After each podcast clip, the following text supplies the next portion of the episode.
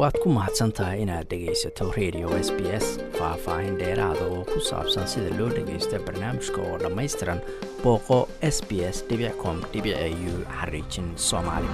Australia kowdii bishan november waxaa dib loo furay xadka caalamiga oo muddo laba sanadooda xirnaa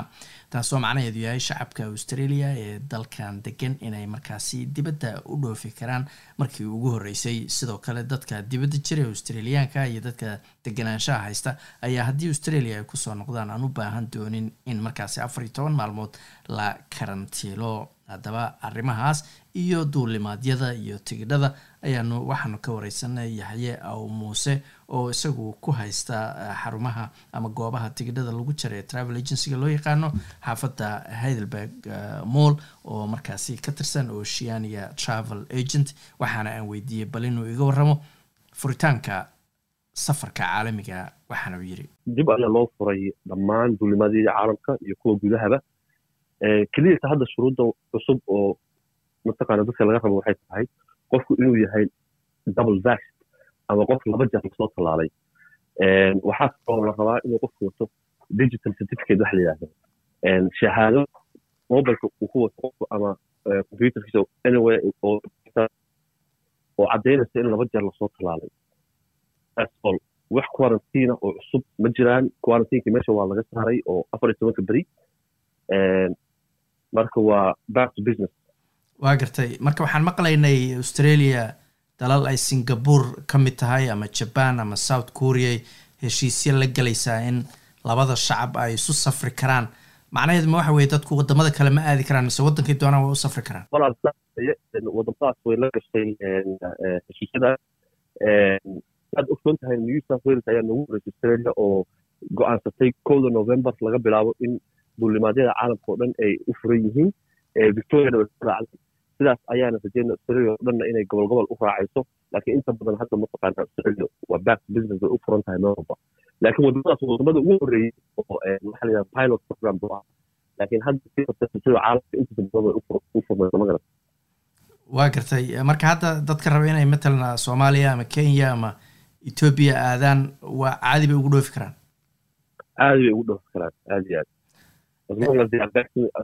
haddii ay bixi karaan qofku bixi karo labada tallaalba hadduu maray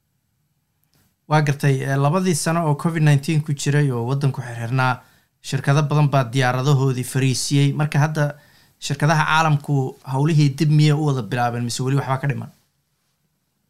warniyahow intooda badan oo kuwooda waaweyn way bilaabeen laakiin kuwa fariistay oo hadka ka baxay way jiraan intooda badan inta muhiimka badanaa oo weliba soomaalidu aad u raacdo sida emirates iyo qatar airways iyo waxyaalaha tigidhada maadaama waxaan is leeyahay xilligan dad badan baa rabay inay dhoofaan maadaama laba sano ay xanibnaayeen marka tigidhadoo kale intay ka qaalisan yihiin markaad u barbardhigtid laba sano ka hor labada kun iyo sideed iyo tobanka xiliyadan oo kale aad miyay weli qaali u yihiin mise waa soo jabayaan xagga qaalinimada maadaama culeysyo badan ay dowladda soo rogtay iyo waxyaaba badan ay suuqa isbedbedeleen macnihii sicirku kor ayuu u kacay inkastoo laakiin ay ku xiran yahan qof walba shirkadda uu aado iyo sida qofku maaragtay adeega bixinaya sida uu qofka ugu dadaalo ayay ku xiran tahay badanaa ma garan waa garta oo maxaa ula jeedaa macnii ma diyaaradaha kala qaalisan baad leeda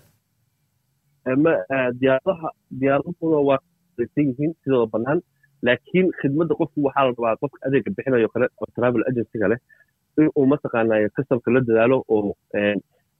shirkadaha raqiiska ah oo waxyaalahaas o dhan iyo hoteelada waxaas o dhan inuu ku xiriiriyo isagoo ma garan oo isagu dadaalkaas uu bixiyo si uu u helo qofku macquula ma garan waa gartay. Haddeeroo kale dadku caadiyan waxaa la dhihi jiray waxay u baahan yihiin insurancy markay dibadda u dhoofaan dadka qaarkood. Waa gadan jireen dadka qaarna ma gadan jirin maadaama hadda covid iyo dhibaatooyin caalamka uu ka jiro inshuransigoo kale dadku ma inay gataan ba? Wallahi insurance kurto mar walba waa iska muhiim laakiin qofka un bay ku xiran tahay maarag laakiin wax shuruud ah anagu aan ku xirayno ama shirkaduhu ay ku xirayaan ma jiraan ma garan waa wax qofku uu isagu jeebkiisa kala yimaado iyo maskaxdiisa fikradiisa waa gartay. Dadka dibadda ka imanaya oo australiyaanka ama deganaansho kule dalkan australia awal afar toban beri oo karantiin la geli jira hadda waa laga daayay marka waxaan is leeyahay dad badan miyaad ka caawisaan inay dalka dib ugu soo noqdaan? Ha aad iyo aad aad iyo aad. Soomaali badan ayaa daclada dunida australia dano ganacsi ama dano family oo badana u safra iyo muwaadiniinta waddankan u dhashay australiyaanka oo aan mataqaanaa ka caawin inay dib ugu soo noqdaan waddanka marka shaqada aad ayay hadda maarata u dardargashay xawaaruna aad buu kor ugu socdaa weliba anagu hadda busy waa periodka ugu khatarsan oo waktiga maaragtay sanadka ayaa hadda waa gartay. Marka shirkadihii diyaaradaha kulligood shaqooyinkii dib bay u bilaabeen. Kuraastii awal dadka ay u diyaarin jireen mid lamida diyaar u ah baad leedaha bilahan absolutely absolutely. Wax walba ku soo noqdeen. Waxa keliya oo hadda waa iska rasmiyaad ah baa hadda ku soo kordhay oo sida tallaalka iyo digitalka qofku inuu yaqaano sida maaragtay ku soo download garaysto oo waxyaalahaas ma ahayn kale way soo noqdeen maska oo marmar la xirayo meelaha gaar waa gartay intaasba qofku ilaalinaya shuruucdaas marka tallaalkoo kale ma shuruud bayba ku tahay in. Markaad tigidka goosanaysa shirkadda ku dhahaysa waa inaad tallaalan tahay mise dalka loo dhoofayaa iyay shuruud u tahay inaad tallaalan tahay maadaama wada shaqeeyo anigu uma goyn karo qof bilaa talaal uma goyn haddaan goyo waxaa weeye hadda airport marka uu tago ayuu mataqaana qofkii wuxuu la kulmayaa wejigabax iyo iyo mataqaanaaye dhib horle iyo in loo diido la soo celiyo marka step by step kulli waa la isku wada xiran yahay marka waa kuu khasban yahay qofku inuu la yimaado shahaado caddaynaysa inuu soo tallaalay magaran waa garta laakiin idinku tigidka waa u goynaysaan hadday noogo ku dhahaan ha ha waa goynaya anagu ha ha isaga hadhow marka laakiin waa nula socodsiinaya intaana u goyn waa soo socodsiinaynaa shuruuddaas magaran